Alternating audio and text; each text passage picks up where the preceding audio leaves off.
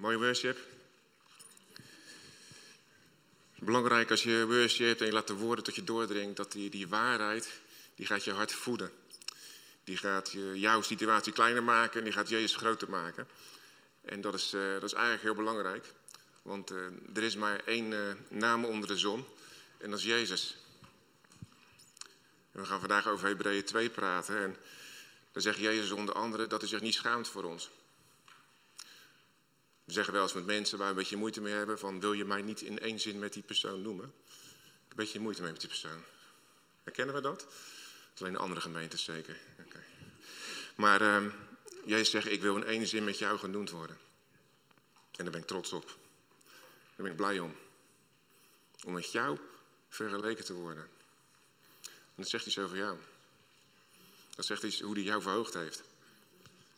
Dat hij jou broer en zus noemt. Super gaaf, toch? No fear.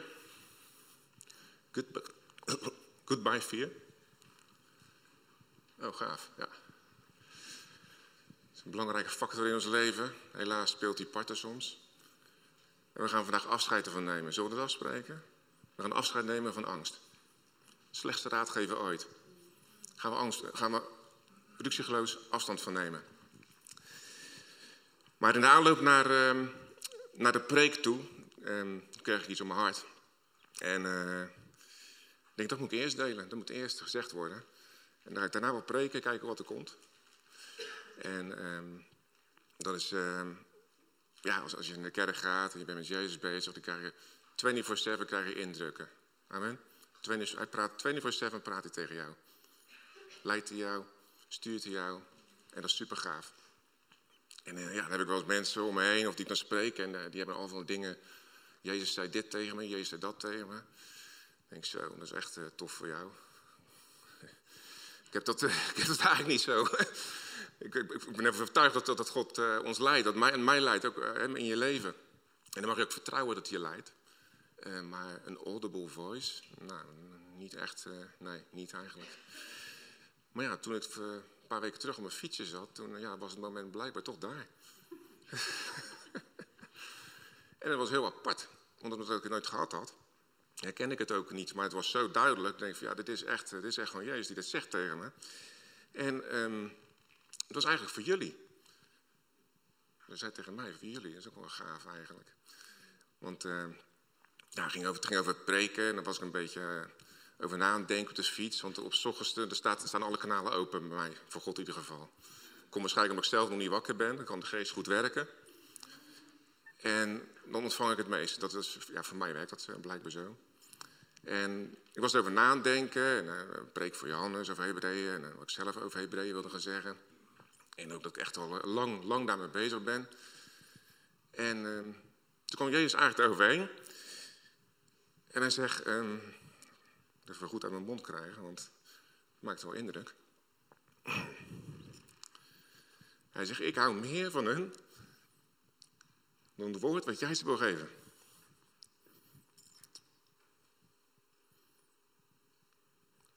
Was te verstaan, want het kwam volgens mij volledig niet uit. Ik hou meer van hun. Mijn liefde voor deze mensen is groter dan het onderwijs dat jij ze wil geven. Amen. Dus we stoppen met onderwijs nou? Nee. Maar het pleit ons allemaal vrij. Het pleit ons allemaal vrij in de dingen die we ons voornemen te gaan doen. Hoe we denken dat we het zouden moeten doen. Alle nieuwe dingen die we ontdenken. Oh, zo gaan we het doen. Leg die last maar gelijk af. Want hij houdt onvoorwaardelijk van jou. Mag die eerste tekst op? God echter bewijst zijn liefde naar ons. Doordat Jezus toen wij nog zondaren waren, voor ons gestorven is.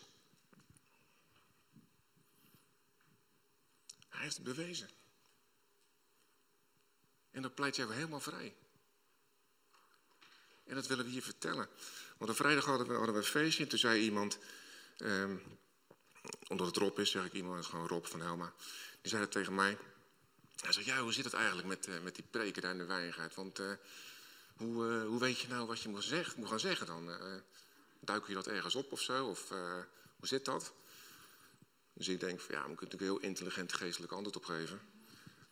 Uh, ik had eigenlijk best wel, best wel slecht antwoord erop. Ik had zeggen, ja, dat was best niet slecht, een slecht antwoord eigenlijk. Bottom line, er was geen lijn en we kregen alles van God geïnspireerd. Dat had ik gezegd, zoiets. En er zit ook wel waarheid in, dat, is ook, het is gewoon waar. Maar er is ook erover na te denken later, ik denk geen lijn. Wij hebben hier een lijn hoor. Wij geloven namelijk dat Jezus God is. En dat hij naar de aarde gekomen is. Dat hij mens geworden is. Om ons te redden, om ons vrij te pleiten, om ons schoon te maken. Heeft hij ons leven geleid? Is hij vlees en bloed geworden? Is hij gestorven in de dood? Heeft hij de zonde met zich meegenomen? Heeft hij al het lijden wat er is in de wereld op zich genomen? Verleden, heden, toekomst. Is hij opgestaan in schoonheid en glorie? En heeft hij ons opgewekt om met hem schoon op te staan? Dat is onze lijn. Dat is onze lijn. Als je hier komt, krijg je dat te horen. Het hangt niet van jou af. Het is allemaal het offer van Jezus. Zijn volledige offer is maximaal. En je mag lekker gewoon je eigen plannetjes loslaten. Hij is groter dan jouw plannen. Hij is groter dan het onderwijs wat je wil vervolgen. Hij is groter als alle inzettingen die je maar kan verzinnen. Je mag gewoon in hem rusten. Je mag er naartoe gaan en zeggen, ik weet het niet. Kom maar op. Ik ben er klaar voor. En dan gaat hij met je aan de haal. In de positieve zin van het woord. Dan gaat hij je opwekken. Dan gaat hij je oppakken. Dan gaat hij boven je situatie optillen. En dan gaat hij jou tot je bestemming brengen. Wie wil dat niet? Goed antwoord. We gaan over Hebreeën praten. Wacht de volgende tekst op. Gaan we even een stukje lezen. Daarom moeten wij ons te meer houden aan wat door ons gehoord is. Opdat wij niet op enig moment afdrijven. Want als het woord door de engelen gesproken werd al binnend was en elke overtreding en ongehoorzaamheid rechtvaardige vergelding ontving, hoe zullen wij dan ontvluchten als wij zo'n grote zaligheid veronachtzamen, die in het begin door de Heer is verkondigd en die aan ons is bevestigd door hen die hem gehoord hebben? God heeft er bovendien menige getuigen aangegeven door tekenen, wonderen en allerlei krachten en gaven van de Heilige Geest overeenkomstig zijn wil.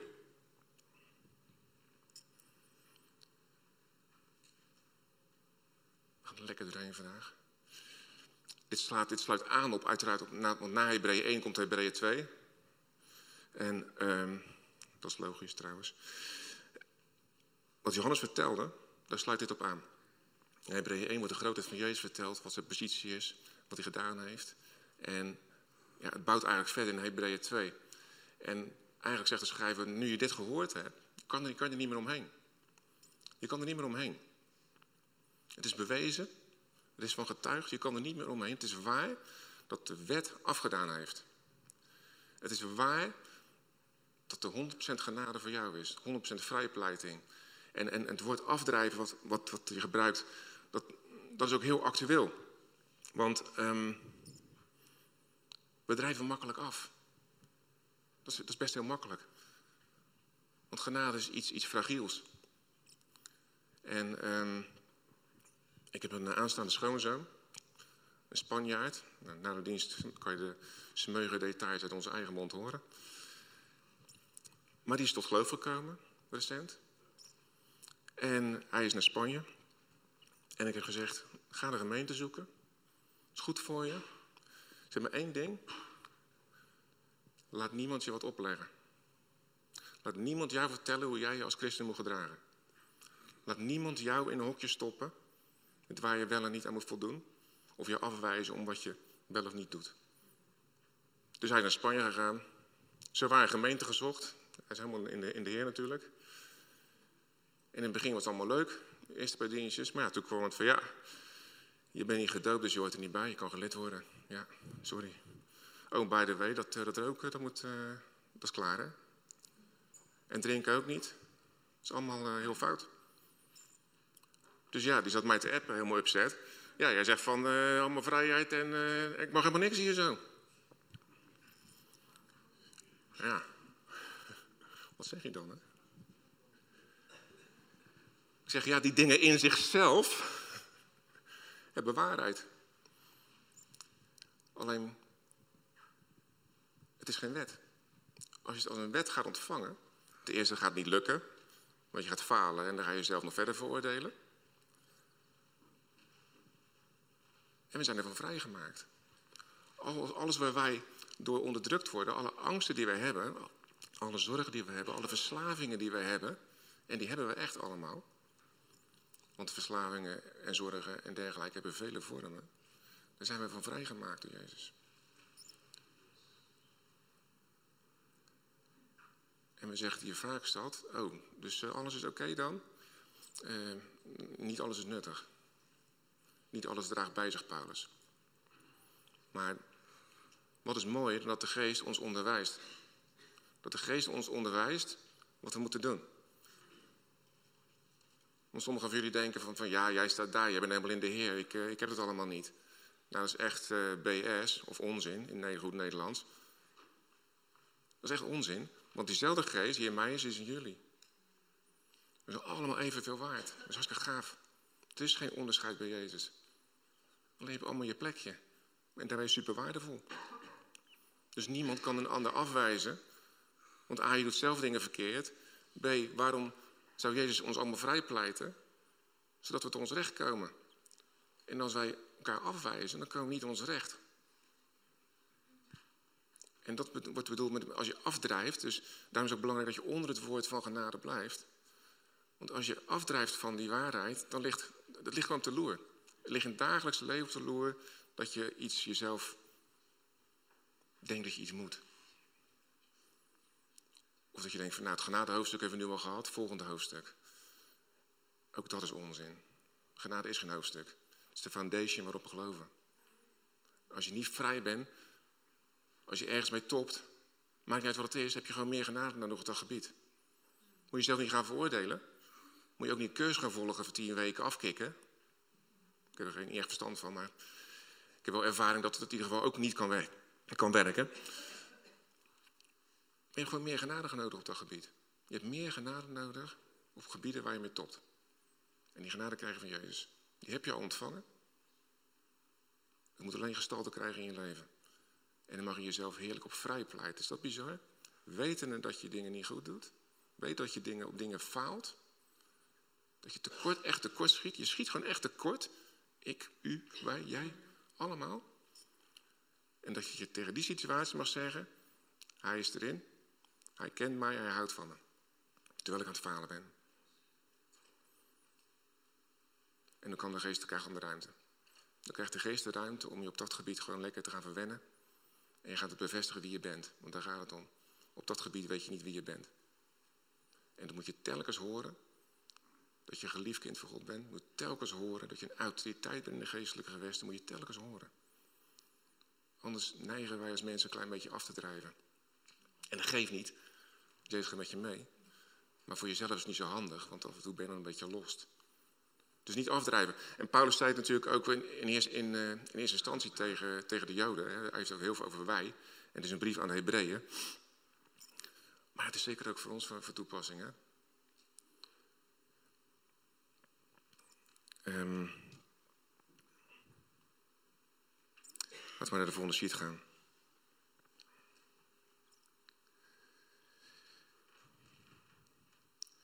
Ik had de, eerste, de vorige sheet niet helemaal afgelezen. Um, vanaf vers 5, doen we even de vorige sheet nog, sorry. Vanaf vers 5 staat daar, want hij heeft de komende wereld, waarover wij spreken, niet onderworpen aan de engelen. Maar iemand heeft ergens getuigd, wat is de mens dat u, van dat u aan hem denkt. De mensen, of de mensenzoon dat u naar hem omziet. U hebt hem voor korte tijd minder gemaakt dan de engelen. Met heerlijkheid en eer hebt u hem gekroond. U hebt hem gesteld over de werken van uw handen. En alle dingen hebt u onder zijn voeten onderworpen. En bij het onderwerpen van al die dingen aan hem heeft hij niets uitgezonderd dat hem niet onderworpen is. Nu zien wij echter nog niet dat hem alle dingen onderworpen zijn, maar we zien Jezus met heerlijkheid en eer bekroond, gekroond. Die voor korte tijd minder dan de engelen geworden was, vanwege het lijden van de dood opdat hij, door de genade, opdat hij door de genade van God voor allen de dood zou proeven. Want het paste hem, om wie alle dingen zijn en door wie alle dingen zijn, dat hij, om veel kinderen tot heerlijkheid te brengen, de leidsman van hun zaligheid door lijden zou heiligen.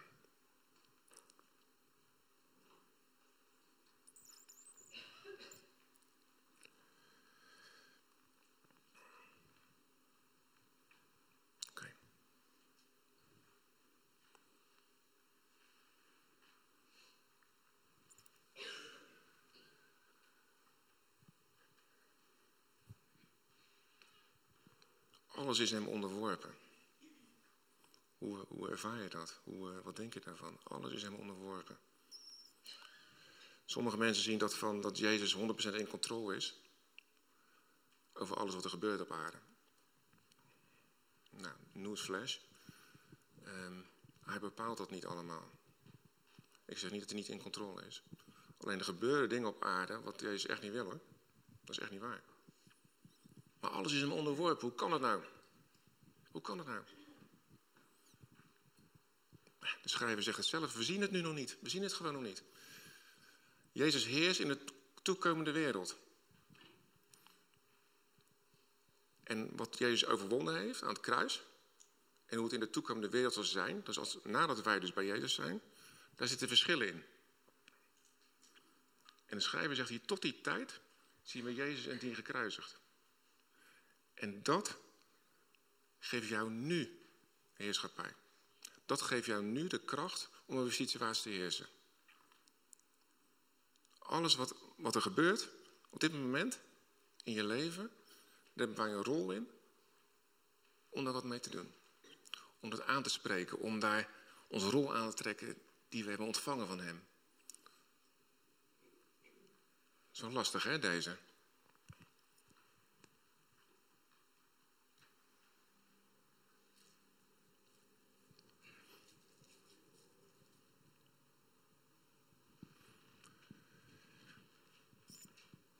Het lijkt soms zo dooddoener van eh, Jezus de oplossing voor alles. Kijk maar naar Jezus. En toch is het zo. Toch is het zo. Want het beeld dat hij geeft met, met uh, zijn, zijn, zijn leven, dat geeft ons echt oneindig veel kracht. De geest in jou heeft oneindig veel meer kracht dan dat je zou denken. Je bent echt een, een bijzonder mens. Je bent bijzonder geworden. We hadden in de kring hadden we een, een, eh, een, een soort spelletje met, een vragenspelletje. En een van die vragen, dat was, uh, ik ben bijzonder omdat. En, en dan, dan, merk je dat, dat wij toch uh, ja, moeite hebben met onszelf bijzonder te vinden. Maar echt wel letterlijke antwoorden, nou ja, ik, ik, weet dat ik gezegend ben, maar ik vind me niet echt, zo zie ik mezelf toch niet, dat is echt heel bijzonder. Als Jezus nou zegt, dat jij bijzonder bent. Als Jezus nou zijn leven voor jou over heeft gehad. En Jezus was bij de Heer. In Filippenzen heeft hij gezegd staat dat, dat uh, hij heeft het, uh, zijn glorie die hij had bij God, heeft niet als roof geacht toen hij naar ons kwam om mens te worden. Hij wilde dat afleggen, al die heerlijkheid, om jou te redden. En als hij nou zegt, als hij opgestaan heeft, is, ik heb jou ook opgewekt. En met mij in de hemelse gewesten neergezet. Maakt dat jou dan niet een klein beetje iti bijzonder? Dan ben je toch super bijzonder. Dan ben je super waardevol. Maar dat vinden we nog steeds moeilijk. Sommige mensen vinden dat moeilijk. Zeg tegen je buurman of buurvrouw, ik ben waardevol. Doe maar.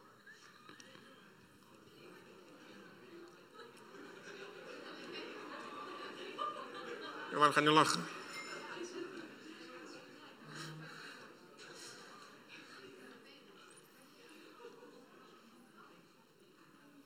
Voelt raar, hè, een beetje eigenlijk. Wie vindt het hoogmoedig? Nou, niemand trapt erin, dat is goed. het is ook niet hoogmoedig, het is wie je bent. Je bent waardevol. En, en dat probeert de, de schrijver in de Hebreeënbrief ook heel duidelijk te maken. Dat offer wat Jezus gebracht heeft, die vrijmaking, dat, dat geeft jou zo'n... eh, hij laat zien eigenlijk wat jij waard bent voor Jezus. En hij benadrukt dat het dus belangrijk is om bij die vrijpleiting te blijven. Want met dat jij eh, uit, uit de genade stapt als ware, dan, dan, dan, dan gaat dat knabbelen aan die, aan die waarde. Waarvan je weet dat je waardevol bent. Gaat er iets tegenover staan van, eh, ja ik ben wel waardevol, maar. Ja, dan, gaat, gaat het naar beneden. En je bent niet waardevol, maar je bent waardevol, punt. En al die andere dingen, daar is de Heer mee mee bezig. Als je hem de ruimte geeft. En dat een hele belangrijke zaak om eh, op het oog te houden. Dat je waardevol bent en dat je geliefd bent ten alle tijden. En dat je bestemd bent. God heeft een plan met ieder van ons in, in, eh, in dit leven, nu, hier. Als we praten over genezing en over bidden voor elkaar, dat is nu, hier. Straks als we bij hem zijn, dan is er geen ziekte meer. Dus wat gaan van genezing heb je niet zoveel meer aan dan toch? Dat is voor nu, hier. Ja? Als wij mogen heersen over de macht in de hemelse gewesten, dan is het nu hier. Want nu, die zijn aan zet, denken ze. Want die roert zich, de duivel roert zich. Hij gaat rond als een briesende leeuw, kijkende wie die kan verslinden. En het is een dief, en het is een moordenaar en een plunderaar. En wij hoeven niet bang voor te zijn. Want we zijn boven hem uitgetild. Door Jezus. Amen. Uh, volgende sheet.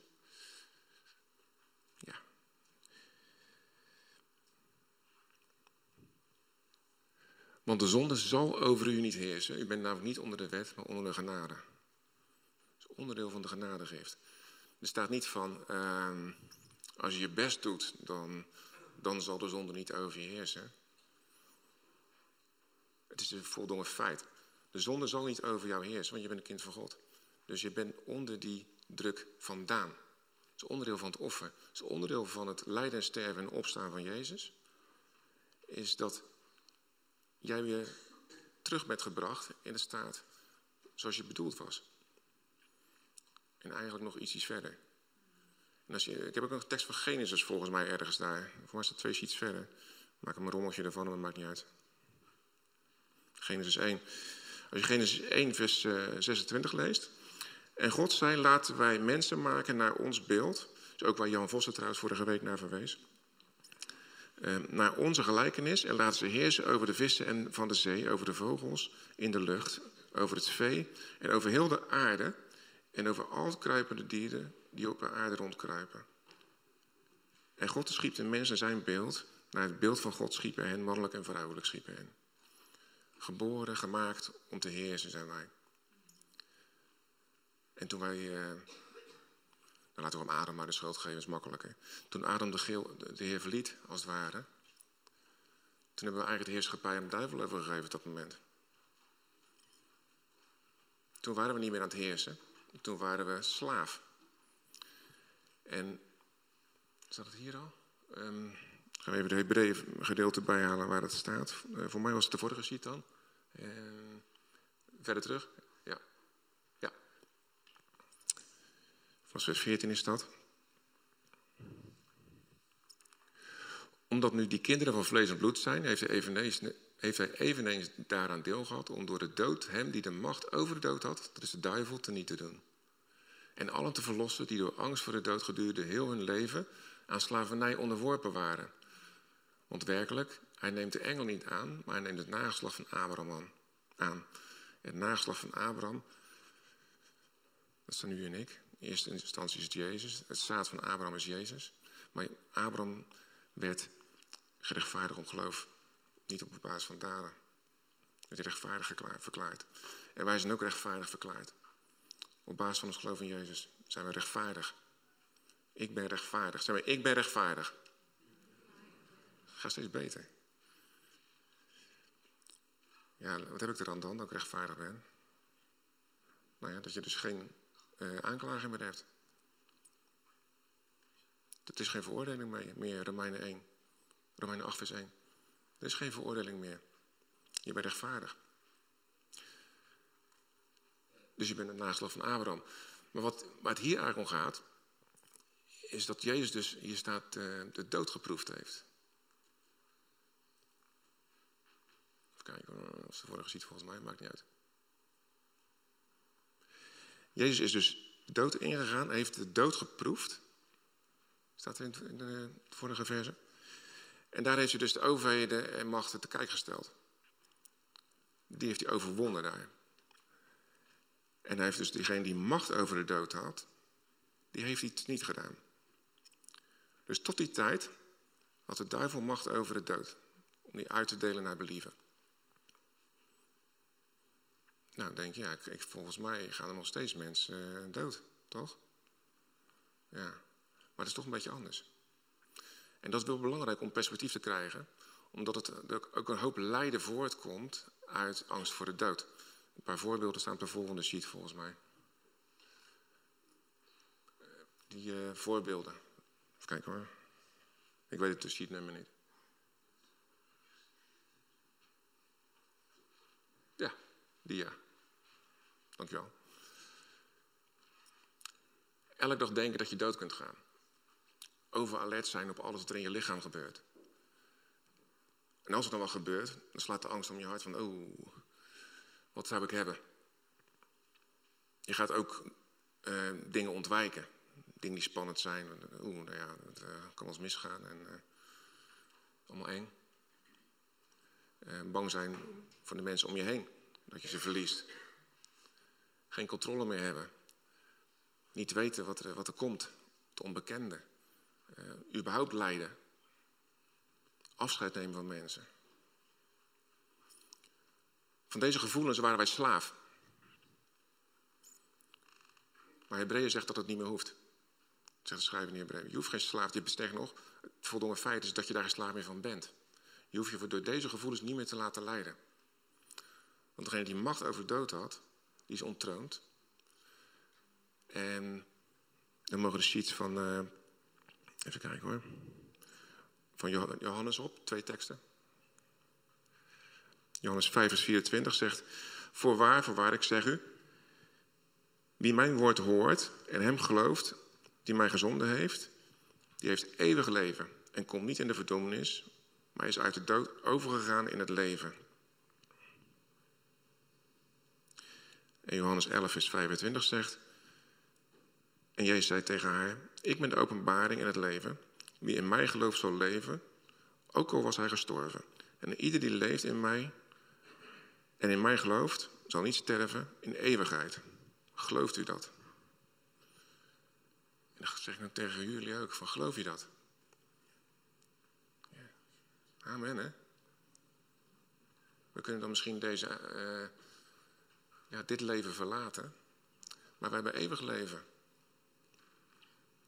Wij hoeven niet meer voor angst voor die situatie te leven of voor andere mensen voor angst voor die situatie. We hebben perspectief. Want het is een overgang. Jij zegt, dan ben je bij mij.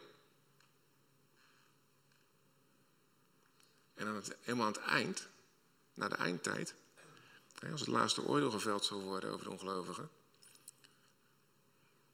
dan staat er van, als jouw naam opgeschreven is in het boek des levens, en toen jij in Jezus ging geloven, werd jouw naam erin gegrift, voor altijd. Dus jij staat opgeschreven in het boek des levens. Dan heeft de tweede dood geen macht over jou. Die zou je niet hebben. Die zou je niet meemaken. En dat is de uiteindelijke dood. Waar de duivel, waar de dood zelf, waar de hel allemaal ingegooid gaat worden. mag nog een keertje nalezen, ook Bewaringen 20. Veel plezier. Heel leuk.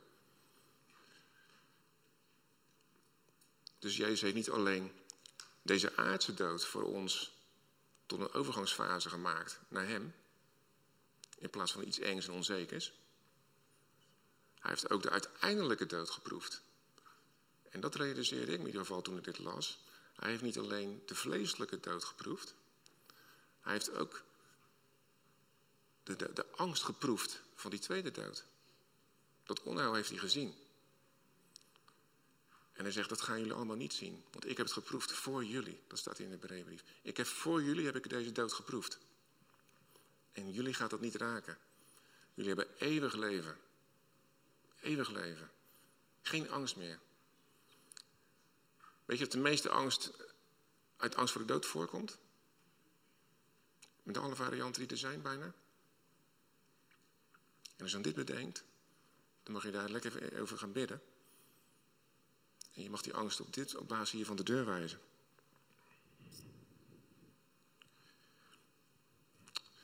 Als ik nou ga zeggen, volgende sheet wordt een rommeltje volgens mij, hè? Even kijken.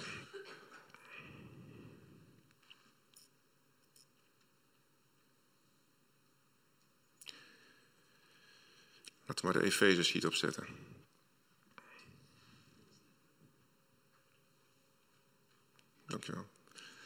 God echter, die rijk is aan erbarmen, heeft om zijn grote liefde, waarmee hij ons heeft liefgehad, ons, hoewel wij dood waren, door de overtredingen medelevend gemaakt met Christus. Door genade zijt gij behouden. En heeft ons mede opgewekt en ons mede een plaats gegeven in de hemelse gewesten in Christus Jezus. Hoewel wij dood waren door de overtredingen, zijn we levend gemaakt. Nog een vorm van dood. Gezellig hè vanochtend? Maar het is wel belangrijk om even dat in perspectief te zien. En dan gaat het vanzelf gezellig worden. Want we zijn dus, mentaal waren wij dus eigenlijk dood. Toen we Jezus nog niet kenden. En waarom waren we dood? Omdat we gebukt gingen onder de wet. Daarom noemt Paulus ook het, het, houden van de wet, of het proberen te houden van de wet, noemt Paulus letterlijk een werk des doods. Want het gaat niet naar het leven leiden namelijk. En vanuit dat leven zijn we overgestapt in het leven van Jezus in het licht. En daar leven wij. Dus je bent tussen je oren al helemaal levend op dit moment. Was ik dood dan? Nee, dat staat hier dus. Je was hartstikke dood. Maar je bent pas levend geworden toen je Jezus leerde kennen. Toen was het echte leven begon toen voor je. En dat echte leven, dat stopt niet meer. Maar het oude leven, dan worden nog de angsten voor de dood. Maar het nieuwe leven zijn die angsten weg. En alles wat eraan gerelateerd is. In het nieuwe leven is dat weg. En waarom is het nou belangrijk? Waarom moeten we daar niet van afdrijven? Waarom moeten we dat vasthouden? Omdat God wil dat jij tot je recht komt. Hij wil dat jij tot je recht komt. En het is makkelijker tot je recht komen als er niet allerlei angsten zitten. Als er niet allerlei oordeel zit. Want uit angst komt oordeel. Uit angst komt afwijzing. Uit angst komt depressie. Komt allemaal uit voort.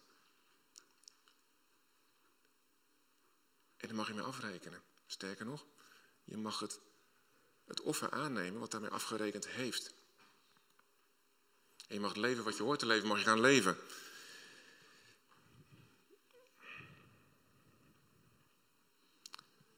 Denk de laatste sheet al.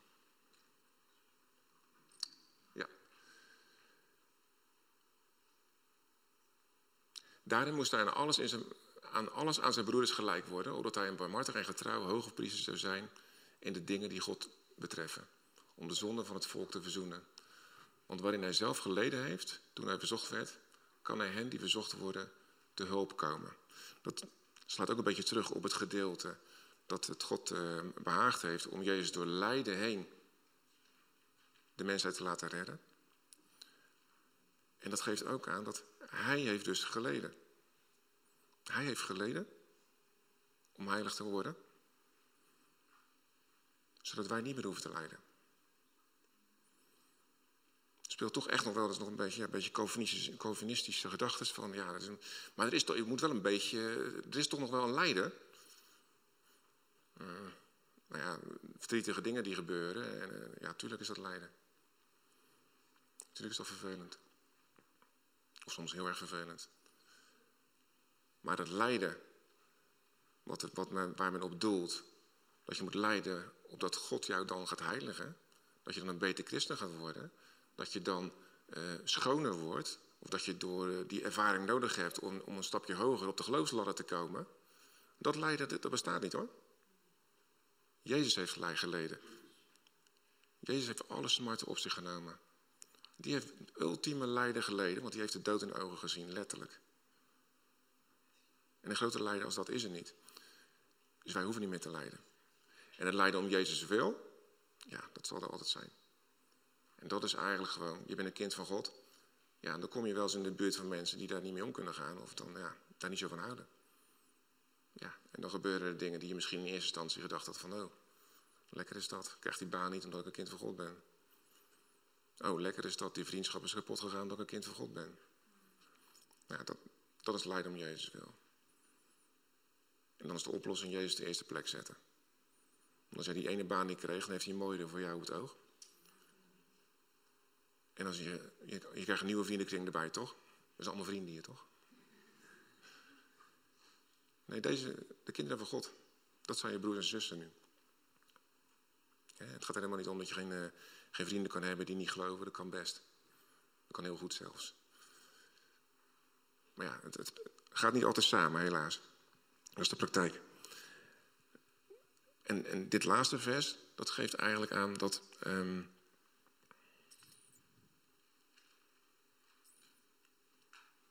dat Jezus weet waar je doorheen gaat.